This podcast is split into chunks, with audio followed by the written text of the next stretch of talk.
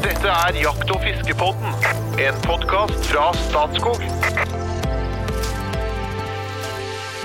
Hjertelig velkommen eh, til Jakt- og fiskebåten. Du hører nå velklingende trøndersk fra Trond Gunnar Skinnestad. Jeg er til daglig kommunikasjonssjef i Statskog. Her er jeg podsjef og podkastens desidert musikalske overhode. Jakt og fiske har jeg begrensa peiling på, derfor har jeg to fantastiske medspillere. Vi har fagsjefen for jakt og fiske i Statskog, sju frysere, et utall dieselkjøretøy, slakteri, jakterfaring som sitt eget fylke. Ja, en mann som har vært eh, konkurranseskytter, og har selvfølgelig også midt mellom alt. Han har bygd og fostra opp fire unger, osv., osv., så, videre, så har han selvfølgelig tatt en eh, doktorgrad i rypeforvaltning. Hjertelig velkommen, podkastens rypedoktor Jo Inge Bresjeberget. Hallo, hallo. Jeg må bare korrigere, jeg har åtte frysere. Du kom i skade for å si sju. Det, det er ikke bra. Nei, det er ikke bra. Det, det, og det er stadig stigende, det der tallet der. Utrolig vanskelig å følge med. Men ikke nok med det. Vi har med en informasjonssjef fra Norges Jeger og Fisk, han som eh, en gang i tida juksa seg til jobben og har hatt den sida. Han har pælma stein på den amerikanske ambassaden, dykka for eh, piker etter perler i Oslofjorden. eh, Han er et oppkomme av historie og en verbal mitraljøse. Kokk, forfatter, fluefisker og først og fremst podkastens livskunstner. Hjertelig velkommen, Espen Farstad. Takk, takk. Er dere klar for eh, lytterspørsmål, karer? Jeg bare slo meg en ting her når, du Ja. kom, når vi diskuterte dette med syv og åtte frysere. Ja. Det er jo endeløst. Hvor mange har du, Espen?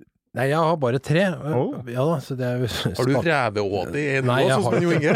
Men altså, han har så mye frysere. Er ikke han i ferd med å vippe over i kategorien som prepper? Ja, ja, ja, ja. Han er egentlig en engstelig sjel, tror jeg. Tror han tar inn over seg verdens uh, misse... alt som er ille. Jeg jeg- jeg lurte på om han skulle lage meg en bunker. Ja, ja, akkurat. La oss bare ta et lite svep innom det der. Ja. Ha, hvordan, hvordan er det med, med dieselaggregat og Jeg er veldig godt forberedt. Ja, du er det? Ja. Jeg er det.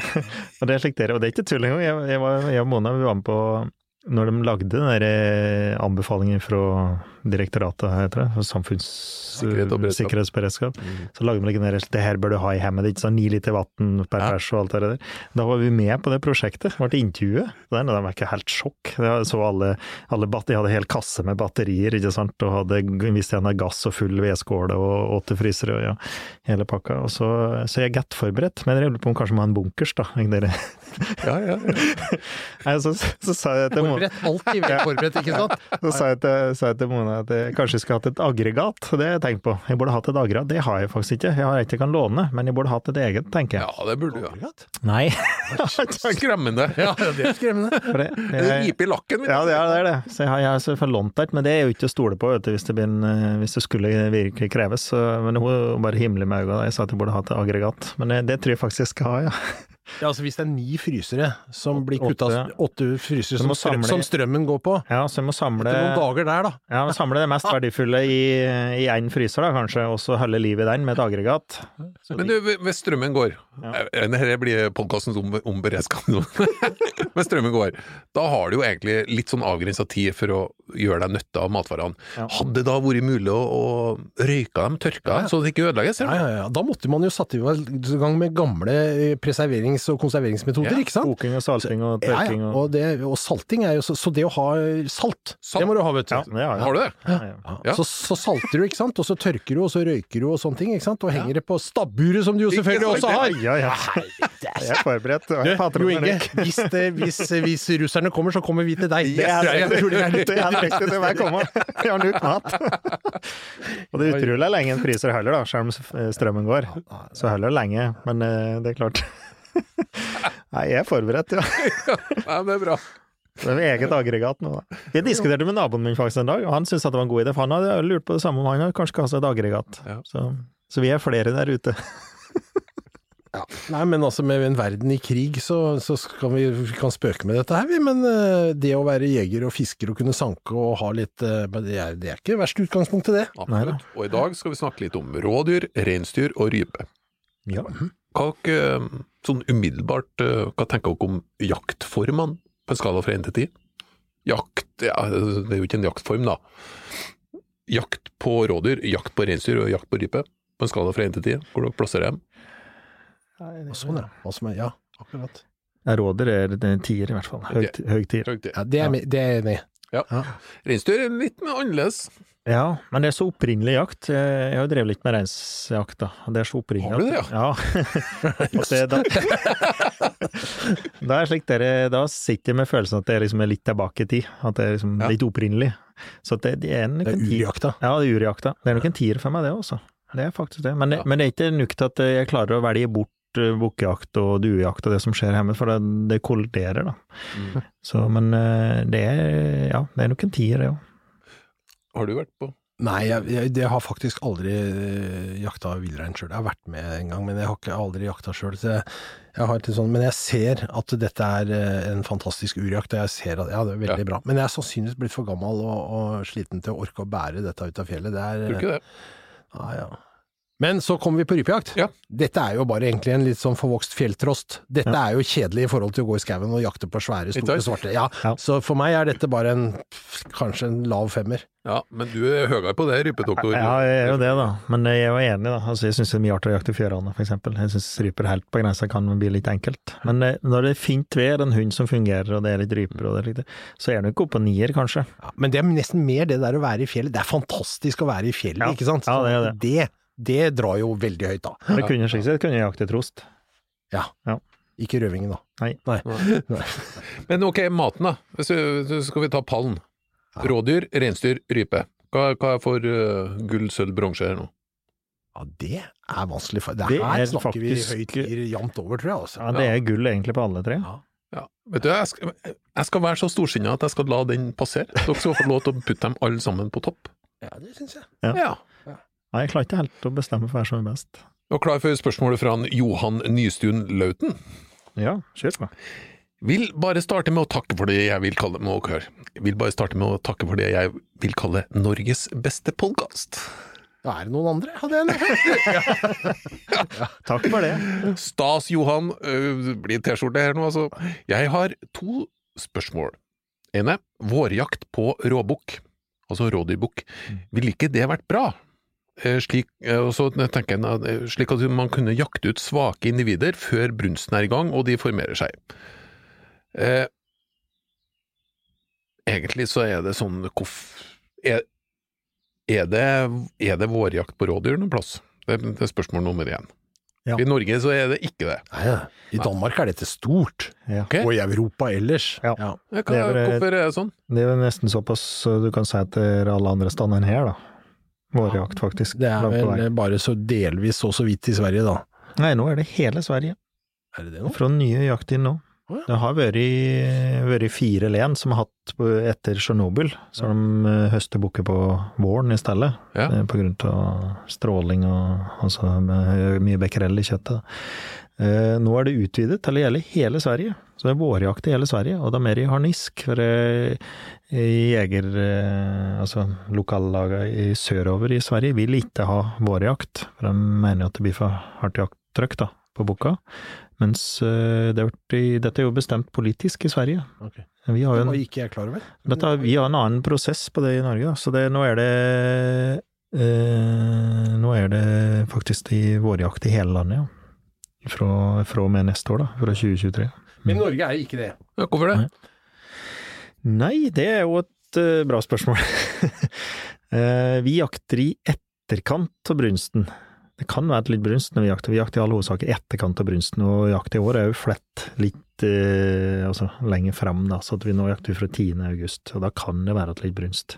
Ja, for det er bukkejakta fra 10. august, ja. Ja, Mhm. bukkejakt. Eh, og vi regner det som ganske usannsynlig at det har noen negativ effekt. Mens eh, kommer du nedover i Europa, så jakter de faktisk i brunst nå, og det går bra. De, de, eh, Geiten blir bedekt av det, det går bra. Men ser du da til Danmark, da, som har et veldig høyt takpress, som mm, jakter da bukka sin i all hovedsak om våren, de starter 16. mai, Ja.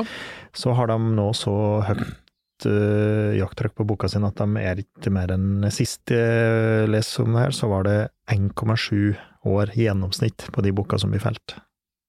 De har da ikke røkket og blitt voksne, altså, like. Ok. Ja. Ja. så, det, så lenge det har hønn, eller gevir, da, som er korrekt betegnelse, så dør de. ja. Og de skutter ja, har ligget på 100 000, tror jeg, bukker i året. Det er liksom det er jo, og vi skutter 30 000 rådyr i året, mens de har skutt 100 000 bukker i året. Så vi får et enormt trøkk på boka, og vi veit ikke effekten til det på oss på sikt. Vi har jo vært innom det med store elgokser, Ja. Det har jo en misjon, det her, da. Det du ikke en fenomenal eh, episode der uh, rypeprofessoren eh, nesten er elgprofessor? Det anbefales på det sterkeste. Så, vi, så vi, det har jo en misjon, og det, og det er jo en, det er jo en genetisk variasjon her òg. Og det er klart, det, her er det, dette er jo, det er jo en gevinst da, for boka å sette opp et stort gevir. Og de eh, vinner da eh, kampen om å få spre sine gener, da. Det er det som er på en måte gevinsten her, da, ved å, å bære på det geviret. Nå er det ikke så prangende som på en hjort eller en elg, eksempel, men jeg har en misjon her, og de største boka er sjef. Og får eh, flest damer å få spredd genene sine. Og det er klart, hvis vi da hele tida høster dem, så de ikke rekker å bli store, på sikt så kan du jo tenke at det det ikke er noe poeng å bli stor heller. For at eh, du Nei, jeg skjønner, ja, du ok. Ja, hvor langt sant? ja. Du, I verste Mm. fall, så, så vil du Under da radaren. ja, vil du da påvirke på en måte gevirstørrelsen. Og for det andre så får du ikke den seleksjonen heller, da.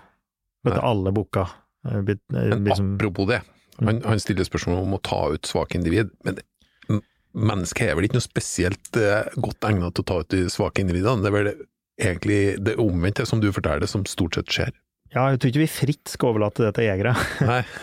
Og jeg vet jo jeg liksom, jeg leser da Svenske Jegerforbundet sitt medlemsmagasin, og der gjør de opp status. Svenske har store råbukker. Veldig store. De har blant verdens største råbukker. Eh, og der gjør de opp status, da, så viser de de største bukka i hvert len, eksempel, hvert år. Det er jo noen som går litt mye opp i det, da. Jeg er litt motstander til det, men det skjer jo hvert år. Og der, eh, i fjor, så var det en bukk som kom inn på den lista som var skutt på våren. Og det er ikke vel ansett i Sverige. Det er de fem lena da, som hadde vårjakt. Det ble da skutt i en medaljebukk, en gullmedalje, en kjempestor bukk på våren. Og det er første gang jeg har sett at det har vært en vårbukk som er skutt i, som havner inn på den, den Ok, eh, gevir, eh, på en måte de beste, største gevir av det. da. Det er ikke vel ansett, og det har vært de eh, største ankepunktene for her får du ikke skal ha vårjakt i Sverige. Så at Jegerforbundet, de var fær, og så møtte de veldig stor motstand i Sør-Sverige. Så snudde de og var imot, og så ble eh, jakt inne i Sverige, det er da politisk bestemt, så ble det bestemt at du skal ha vårjakt i Sverige. Og det er da Jegerforbundet nå imot.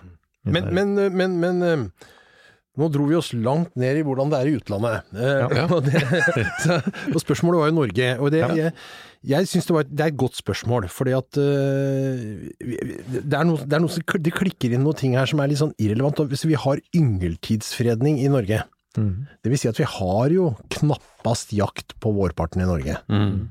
Det er liksom tampen av revejakta og litt beverjakt, og that's it, ikke sant? Og, så jeg tror det er en terskel som skal brytes om vi skulle få bukkejakt på våren i Norge. Det, det skal litt til. Det er litt sånn som å jakte på rovfugl, liksom. Det, det, det går en slags usynlig grense her som, som er vanskelig å krysse. Men så ser vi jo på, på andre land, da, f.eks. Danmark som du nevner, som feller liksom 110 000-20 000 rådyr i året. Og de har jo en veldig aktiv bukkejakt. Det er jo det som er liksom den store rådyrjakta i, i Danmark. Og det ser vi nedover i Europa. Og de har jo tette bestander av rovvilt. Ja. Så, så, så, av rådyr. Så det er, vel, det, det er vel det som kanskje er grunnen til at ikke vi har det i Norge. At vi, har så, at vi er så sparsommelig kledd med rådyr tross alt. Mm. Ikke sant? Du, du, vi, vi, det er sårbart. Vi, I 392 eller så skjøt vi altså 60 000 rådyr, og så kom det en knallhard vinter, og, og reven kom tilbake etter reveskabb og litt sånn, og så er vi vært nede på 30 og Vi har liksom ikke kommet ordentlig over 30 000, da, litt så vidt det er.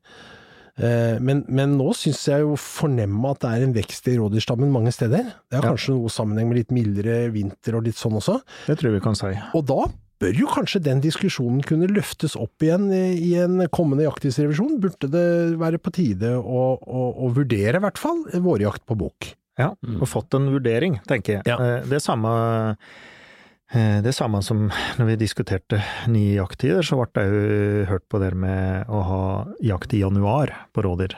Og det er det òg gjort en del undersøkelser på, som viser at det, det går helt fint, faktisk. Og med mildere vinter så vil det antakeligvis være uproblematisk i, langs kysten her, da. Eh, altså, jeg tenker rundt Da, må, Oslofjorden. da måtte man jo foreta en, en, En sonering, en vurdering også av snøforholdene Ja, men det kunne det gjort. Ja. Og, og med mildere vintre så vil det her, eh, tror jeg det kommer, da. Der skiller vi oss ut fra resten av Europa. Og jeg vet, det er jo gjort det er jo forsket litt på rådyr i Norge. Eh, Mysterud blant annet. Atle Mysterud har gjort noen noe kjempegod jobb oppe i Lierdalen. Eh, og det er jo skrevet da, eh, litteratur om det, da, altså populærvitenskapelig. Kan anbefales. Eh, og svensker har jo gjort en del forskning på det. Og da, da er det slik at det er ikke gjort noe så vidt jeg veit, da, noen store vitenskapelige undersøkelser på det. Her er effekten er til å jakte i brunsten. Det gjør de i Polen, eksempel. Jakte gjennom brunsten. Ungarn. Det er det jeg vet- Har ikke jeg funnet noe litteratur på, i hvert fall. Så jeg veit ikke helt effekten på det. De tror ikke det har noen effekt. Men eh, i den boka til Mysterød så anbefalte de heller da en periode på våren. At du tok en liten periode eh, jakte på våren, i stedet for å flette jakttida enda lenger mot 1. august, for eksempel for å unngå, altså som et føre-var-prinsipp. Men det var ikke, ikke belagt med data, så vidt jeg husker. da. Mm. Spennende spørsmål, i hvert fall. Er det forskjell på, på rådyrbukk og villreinbukk og elgokse? Altså, eller kunne man ha tenkt likt? Hvorfor er ikke tidligere jakt på elgokse, f.eks.? ja, slik, ja. Avdelingen for enkle Ja. sammenligninger her nå. Vårjakt på elgokse, ja, ja. Eh, nei, det var et bra spørsmål, som ikke jeg har noe greit svar på i utgangspunktet. De har jo sin misjon, da. Og det greie er at i den grad du, du retter jakta mot den, så er det veldig fort at du får veldig høyt jakttrykk på den kjønn- og alderskategorien. Da. Mm. Og, det, og der er kanskje ikke vi jegere de beste til å sortere. For i den grad du skal ha vårjakt, så kan du tenke at det er som du sier, da. eh, At du sorterer vekk potensielt, da. Eh, dyr som, eh, som er, her skal jeg, eh, ikke skal gå inn i avlen, da. Men, eh, men det tror jeg er litt variabelt her, som det blir praktisert. For når, når det er bukkejakt på høsten, på rå, altså rådyrbukk, Mm. som starter da tidligere enn den vanlige rådyrjakta, Mhm. eh, har de allerede paret seg? Ja. De, de bukkene som er tatt ut da? Ja. så du, ja, Så, riktig. så da, er vi, da er vi i etterkant på brusen. på tampen av På brusen. tampen, så Ja. det kan være at det er noen berekninger da etterpå, men det, all, er det meste unnagjort, ja. Ja. Og det, og det er eneste arten vi har to, to jaktdyr på, faktisk. Ja. Det er det rådyr. Og så er det, hvis du nå liksom, du, du nevnte rein også, ikke sant? Altså rein i fjellet på den tida, for det første er det værmessig komplisert, liksom. Og det andre er jo at det er jo en tid hvor, hvor eh, de har kalva, ikke sant, og har små det, det er, Fjellet er sårbart. Vi skal Ja. ikke plage villreinen på vinterstid i fjellet, ikke sant. Det er noe annet å sitte i en jordekant og skyte en rådyrbukk eh, i det stille. Og, og generelt så er jo jakttrykket på hanndyr, da, med gevirbærende hanndyr, eh, høyt nok. Så det er ikke like at vi skal øke det heller. Ja. Det er jo et argument, da, selvfølgelig. Men eh, når det gjelder villrein, Johan som eh, nå lytter på det han anser som Norges beste podkast, lurer jo også på en annen ting. Har søkt på iNatur, eh, uten å få tildelt kort på vill, eh, villreinjakt. Har dere noen tips til en ung jeger om andre metoder for å kunne få seg, komme seg ut på villreinjakt? Jeg, har- jeg har et eh, tips sjøl, men eh, det eneste ja. Det fins jo Faktisk en organisasjon som driver på med det det? det, ja. som tilbyr dette. To organisasjoner. Jeg- Ja, det er en stor statlig organisasjon her. Den ene er jo ideelt drevet, den andre er jo rent kommersiell, selvfølgelig, som du tenker på nå. Den ideelt drevne, da, som, som jeg representerer, vi, vi har jo tatt til oss denne problematikken. Unge, ferske Ja. jegere som uh, sliter litt med å komme inn i, på markedet, på en måte. Og da har vi introjakter. Vi har Ja. introjakter i Jeger og Fisk. Det er bare å gå inn på njf.no, klikke deg inn i kalenderen, søke villreinjakt intro, eller introjakt, så får du opp lange lister med tilbud. Eventyrlig! Ja, det er faktisk flere hundre. Ja. Veldig godt tilbud. Så, så det, der fins en mulighet. Ja. Absolutt. Jeg kom jo på det, for det var jo en lytter som hadde et spørsmål. Han, han hadde vært med en Christian Eiken Olsen i Statskog på villreinjakt i Njardarheim. Ja så vi har vel noen opplæringsjakter. Vi har opplæringsjakt i egen regi, ja. Ja. Supert. Det var, det var det jeg hadde tenkt på. ja, ja. Så det er jo tips. det, det finnes jo ikke så mange andre altså Hvis du betaler godt til enkelte, så kan det hende at Det- du kan gjøre det. Men Dette er jo en knapphetsressurs, Ja. villreinjakt. Sånn Ja, det det, er er, her er det mange om beinet, rett og slett. Og, Ja. og markedet rår. Og du, det, er jo, det finnes jo ekstreme ytterpunkter hvor du kan kjøpe deg inn, men hvor det koster skjorta. Ja. Eh, Men vi anbefaler jo den andre veien. Ja. Mm. Mm. Johan, eh, send nummer og navn, så blir det T-skjorte. Eh, neste spørsmål kommer fra Gjermund Lindstad. Han takker for en fantastisk podkast som er hans høydepunkt i løpet av uka, og eh, har et spørsmål som en håper vi kan svare på. Jeg har jaktet i mange år, og her jeg jakter har fjellstyret tidligere forsøkt seg med refugieområder der det ikke er lov å jakte, kombinert med åpne områder med eh, hermetegn fri felling. Dette da med hensikt å finne ut hvordan jakta påvirker bestanden, slik jeg har forstått det. Så første spørsmålet er, kjenner dere, og da kan det hende at det er rypeprofessoren jeg kommer til å serve det til, kjenner dere til resultater av slike undersøkelser? Og har det noen effekt? Og kan det da være at det i større områder kan være et alternativ å frede deler av terrenget og holde åpent til andre? Det var spørsmål nummer én. Eh, Kjenner du til en rypeprofessor, eh, nei, rypedoktor eh, Jo Inge Brøsjeberget? Kjenner du til noen sånne refugietester? Ja, jeg er jo det, da. Eh, For det har jo, i den grad han nevnte på det, det eneste jeg vet som jeg har gjort forsøk på, var jo det rypeprosjektet som vi hadde i Statskog, som da Fjellstyresambandet var med på, da, og Fefo. Så det, er det eneste jeg vet som vi testet ut i skala. Eh, Det ble ikke gjort eh, Jeg tror ikke det ble ferdig opp hele perioden i Så det ble ikke gjort mer enn ett år ennå, på det fjellstyret, så vidt jeg husker. Men vi gjorde det i hele perioden i, på to terrenger i Statskog.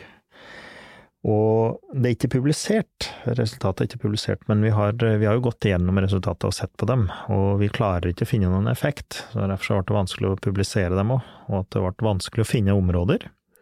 Fryktelig vanskelig å finne noen grunneiere i Norge som har store nok arealer, eller som har områder som er villige til å frede terrenger, eh, og slik sett da gå glipp av jaktinntekter. Mm. Det var helt umulig, for det var jo med store private eh, organisasjoner her òg. Men vi Da var det vel statsgrunn som ble brukt, da? Det er helt riktig. Det var det, Espen. Og det, og det gjorde vi, da. Og i forskningens tjeneste, og teste i ganske stor skala òg. Det var jo da 100 kvadratkilometer, så 100 000 mål. Eh, og så hadde vi da tre refuger inne, de var ca. 10 000-12 000 mål hver.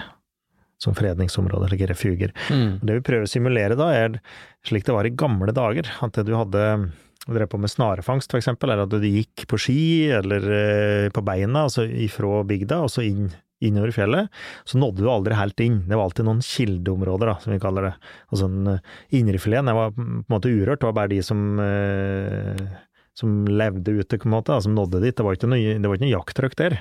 Så det var det områder da, som det vi kaller en kilde, som da kunne forsyne da, eh, områder rundt med fugl. Ja. Så Der var det et overskudd som forsynte området rundt med fugl. Det ble ikke jakt, eller veldig liten grad. Det prøver du å simulere, da. Mm.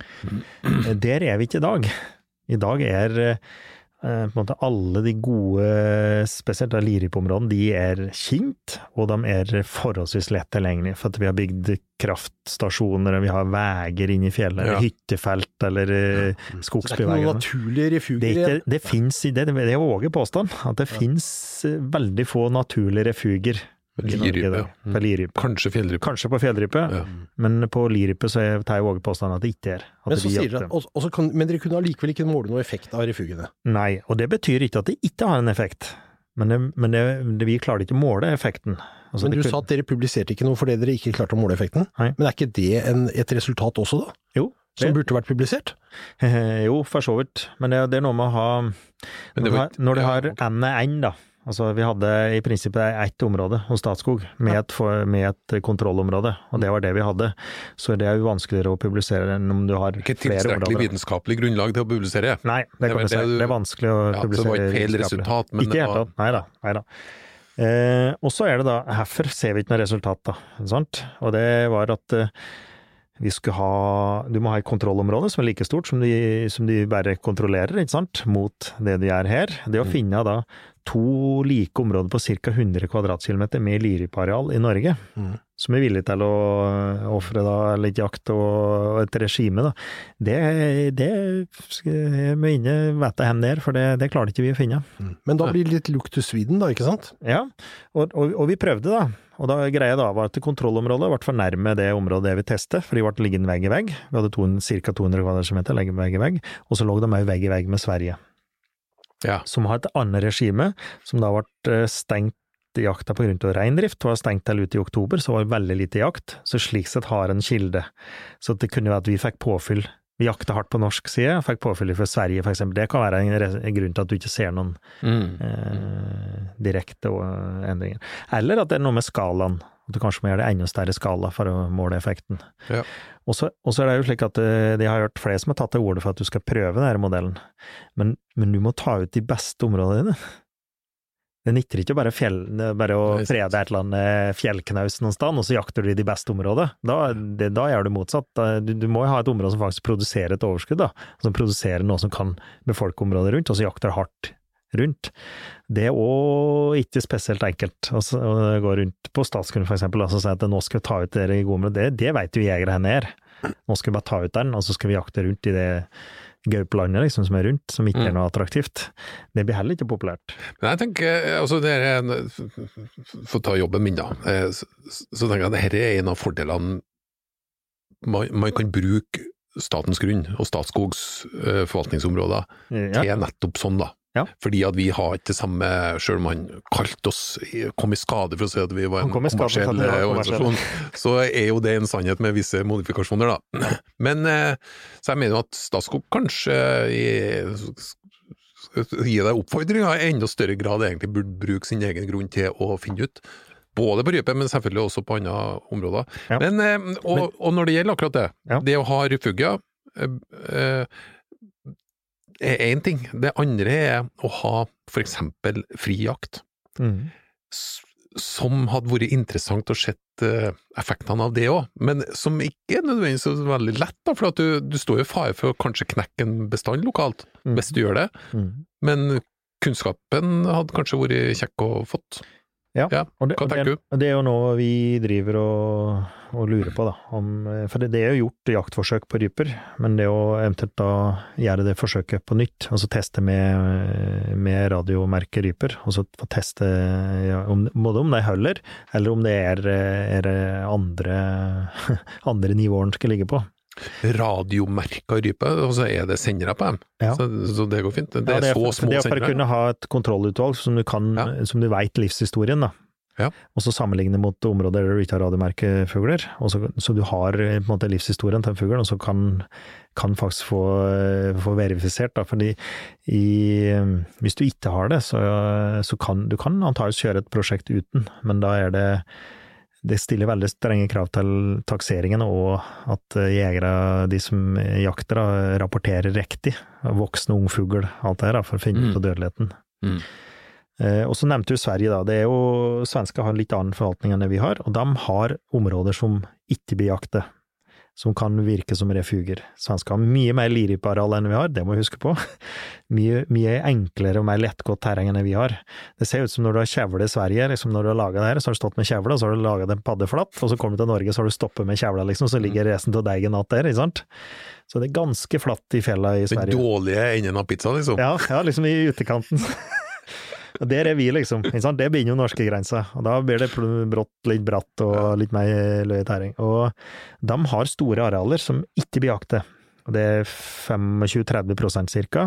som da ikke blir jaktet i noen form. Og det er av reindrift eller fjellrev eller eh, at det er nasjonalparker som ikke blir jaktet. Og, og da kan de trette høyere uttak i områder rundt, som er vanskelig tilgjengelig. Så de sier at de kan telle til 30% uttak.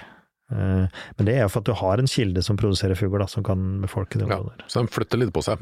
Men, Det men er- du, det er jo sånn at uh, forskere og, og rypeprofessor, de blir jo, eller rypedoktor, de blir jo aldri fornøyd nok til å kunne slå fast noe eksakt. Det skjønner jeg jo, ikke sant? Så det, og, men, men ledende rypeforsker i Sverige, hva er hun heter for noe igjen? En kvinne, Maria. Ja, Tørnell, eller Hørnell Willerbrand. Ja. Ja. Hun har vel egentlig konkludert litt med at, eh, at eh, jakta betyr ikke så mye at, at, eh, at man trenger å opprette refugieområder, liksom at ikke det er noe særlig hjelp. Og det er jo egentlig den konklusjonen dere fikk ut av rypeprosjektet òg, med det grunnlaget som du har beskrevet nå. Mm. Men, men de har jo det i Sverige, da. Så det er, liksom, det er noen Det- forutsetninger ja. der. Vi har jo vært inn på det, det er jo to, det er jo to modeller vi snakker om nå. I, eh, enten det er naturlig eller ikke, og av ulike årsaker, men i Norge så er det jakt overalt. Mm. Litt mer forsiktig. Sverige så er tyngre jakt i områder der det er jakt, på rype, og refuge, refuga. Ja, en form for refuger, da. Altså at det ikke jaktes, da. Nå må vi ha en limerick. Ja, Nå ble det så baktungt her, jeg orker Ja, ikke mer. Altså. Ja. Den handler jo selvfølgelig om, om, eh, om ryper, da, i, på sin skakke måte. Det er eh, Den heter En doktor å ønske seg, heter den uh, limericken her. Ja, det kanskje til deg, Jo Inge? Det kan jeg aner ikke. Kanskje. Vi får høre. Ja, er. En småskada rypejeger fra Romsdalshorn fikk i foten en skikkelig rosebusktorn. Doktoren gjorde en sutur og sendte den så ut på rypejakttur, han hadde jo vært hos selve rypedoktoren. Tenk deg det. Du er podkastens rypedoktor, nå får du limerick og Det Det er vel kjærlighet, vet du. Det er det kjærlighet. Det er kjærlighet. Ekte kjærlighet. Men uh, siden det ble litt sånn tungt, eh, skal vi, skal vi ta noen sånn tunge valg òg, da? Ja, la oss gjøre det. Ja. For all del. Hengekøye, eller ha liggeunderlaget rett på bakken? Forhåpentligvis så har jeg ikke spurt om det før. Nei. kan jeg ikke huske. Nei, da Jo Inge. Eh, Liggeunderlag. Kan jeg få lov til å spørre eh, Ja, for jeg, jeg, Har du prøvd hengekøye? ja, Ja. jeg har det. Og jeg har hengekøye. jeg Det blir veldig fine Instagram-bilder. Ja, det er det, vet du. Det er Men, eh, sosialt medium. det. Men jeg, jeg får litt lik dere Klaus-følelse. Jeg blir litt lik sammenklemt og, og med skuldrene og greier. Og så liker jeg å ligge noenlunde rett. Jeg har litt vondt i ryggen, og så hvis jeg da blir liggende lik dere som en megbåge eller en banan hele, hele natta med skuldrene litt innklemt, så får jeg litt dårlig søvn. Hadde du liggeunderlag oppi hengekøya? Ja. Det er veldig viktig. Ja, hadde det. Men likevel syns jeg det ble liksom litt lik dere, litt som, en- som en kokong liksom, som er innplassert i et eller annet her. Men når jeg ligger da med liggeunderlag, så skal jeg ikke ha fryktelig mye liggeunderlag på bakken før jeg sover greit. Ok, Søv på ryggen, søv på sida. Eh, på ryggen. Ok, Espen. Sov på sida, er litt tyngre og eldre enn Jo Inge, og har oppdaga at hengekøyer er eh, Der ligger man jo som i mors mage i forhold til å ligge på en steinete bakke, altså. Og jeg er blitt så gammel at når jeg første natta i telt nå, så jeg sover nesten ikke. Okay. Jeg må rulle meg ut av teltet. Og er mannevond til langt ut nærmere lunsj. Så, så opplagt hengekøye. Hva du har oppi hengekøya, da? Der har jeg liggeunderlaget. Ja, Som, som, som flater ut så du unngår den verste banan-kokong-pølsen. Ja. Ja. Men du får litt den, gjør du ikke det? Jo, men hvis du ligger på sida, så ligger Men du klarer du å ligge på sida i den hengekøya? Ja, ja, ja, min. Ja, jeg syns det ble ikke spesielt dårlig til heller, altså. Har du prøvd mye, da? nei. Nei. Så det er mulig jeg må prøve det, mer. kanskje det. Ja. Ja. Nei, men det er veldig bra. Ok, vi fortsetter på samme. Telt eller tarp? Eh, telt. Jeg foretrekker telt, eller lavvo. Og så et annet tips, det er jo feltseng. Jeg har prøvd feltseng, eller jeg på feltseng òg. Da kommer det litt opp ifra bakken. Hvis, hvis du kjører og har lavvo eksempel, og kan kjøre helt fram, da bruker jeg feltseng. Jo, Inge. Ja. Jeg har latt meg forlede på en side som heter AliExpress, hvor du kjøper billig ræl fra Kina, Ja, okay. til å kjøpe en eh, sammenleggbar lettvekts feltseng Ja. i aluminium og duk. Ja. Helt fantastisk! Ja, det er Når du legger Da kan jeg ligge i telt hvis jeg har med meg Ja, men vi er enige om det. Ja, for, ja, det ja. for det, det er jo slik at du legger den sammen, ja, det. Du legger den sammen, den tar ikke, tar ikke store plassen, den. Sammenlagt. og den som jeg har, er, den er ikke større enn en iPad, altså. Nei, det, og Nei, det og funker så litt fint. mindre. Ja. Ja. Og så kommer du litt opp ifra bakken, Ja. slipper liksom de steinene og Ja. dritten der, og alle krypende insekter og og, hunder og alt som er, og så ligger du plant. Ja. Ja. Ja. Kan anbefales. Ukens episode er sponset av AliExpress. det er interessant. Ja, hva var spørsmålet igjen? Telt- telt eller tarp, ja. Ja. Vet du hva, jeg, må, jeg, jeg har lyst, litt lyst til å svare tarp, for at eh, på den, den første markaturen som jeg tar, altså i ja, sånn litt seint i mai, så beveger jeg meg ut i marka med fluestanga, ikke sant. Ja. Da er det jo ikke noen insekter Nei. å snakke om, ikke sant. Da er det fantastisk å ligge ute og høre orrfuglen spille og våkne med solstråler på nestippen, altså bare i en tarp. Ja. Det syns jeg er fantastisk. Da ligger du mer ute enn når du ligger i telt. Ja. Men selvfølgelig, når du kommer da og skal på vidda en uke, så kan du ikke drive og rute rundt med tarp. Da må du ha telt også, så det kommer litt an på. Jeg er Ikke uenig i det, jeg ligger på Likes, men da ligger jeg uten. Da ligger bare med sovepose. Men jeg har jo opplevd det at Og du du har kom- sovepose, altså. Ja, jeg har det. jeg har investert i sovepose. Så- Eh, og jeg har opplevd det at eh, du får de der varme dagene, da. Eh, og, og i slutten på april, og det kan begynne myggklekking, liksom. Det der store magen som kommer da, som du kan speke låra på, du kan ha, lage spekeskinke, liksom. De biter, og det er vondt. Og, og da, bare, da vil jeg heller søke et telt, da. Og da, da er ikke en tarp heller noe ålreit. Det er det jeg mener. Så det var grunnen til at jeg valgte telt. Nei, men, det var Veldig bra. Takk, takk for uh, gode avklaringer. Eh, Vi skal ta litt sånn hot or not, men før vi gjør det, kjære lytter, takk for følget. Send gjerne inn spørsmål, refleksjoner, innspill til episoder, hva som helst. Vi tar, vi tar imot. Eh, Har du spørsmål som blir brukt i jeg vil vel si at det er favorittepisodene våre, det med, å kjøre litt sånn slalåm mellom eh, interessante lytterspørsmål. Veldig artig. Er det sånn at du får lytterspørsmålet lest opp, så må du huske på å sende inn eh, beskjed om det. Podkastsjefen er relativt distré, sånn at han må ha klar beskjed hvis spørsmålet er brukt i episoden. Er du klar for hot or not? Ja. Hvem som har lyst til å starte? Det er meg nå. Ja, Ja. Espen. Oppussing. Hot or not? Not. Not. Fredagsvask. Hot or not? Det er hot, faktisk. Nei, not. Ja, jeg, jeg har jo lov Vi skulle jo ikke begrunne. Nei, men fredagsrengjøring Mhm. Hvorfor, eh, hvorfor du ble det det?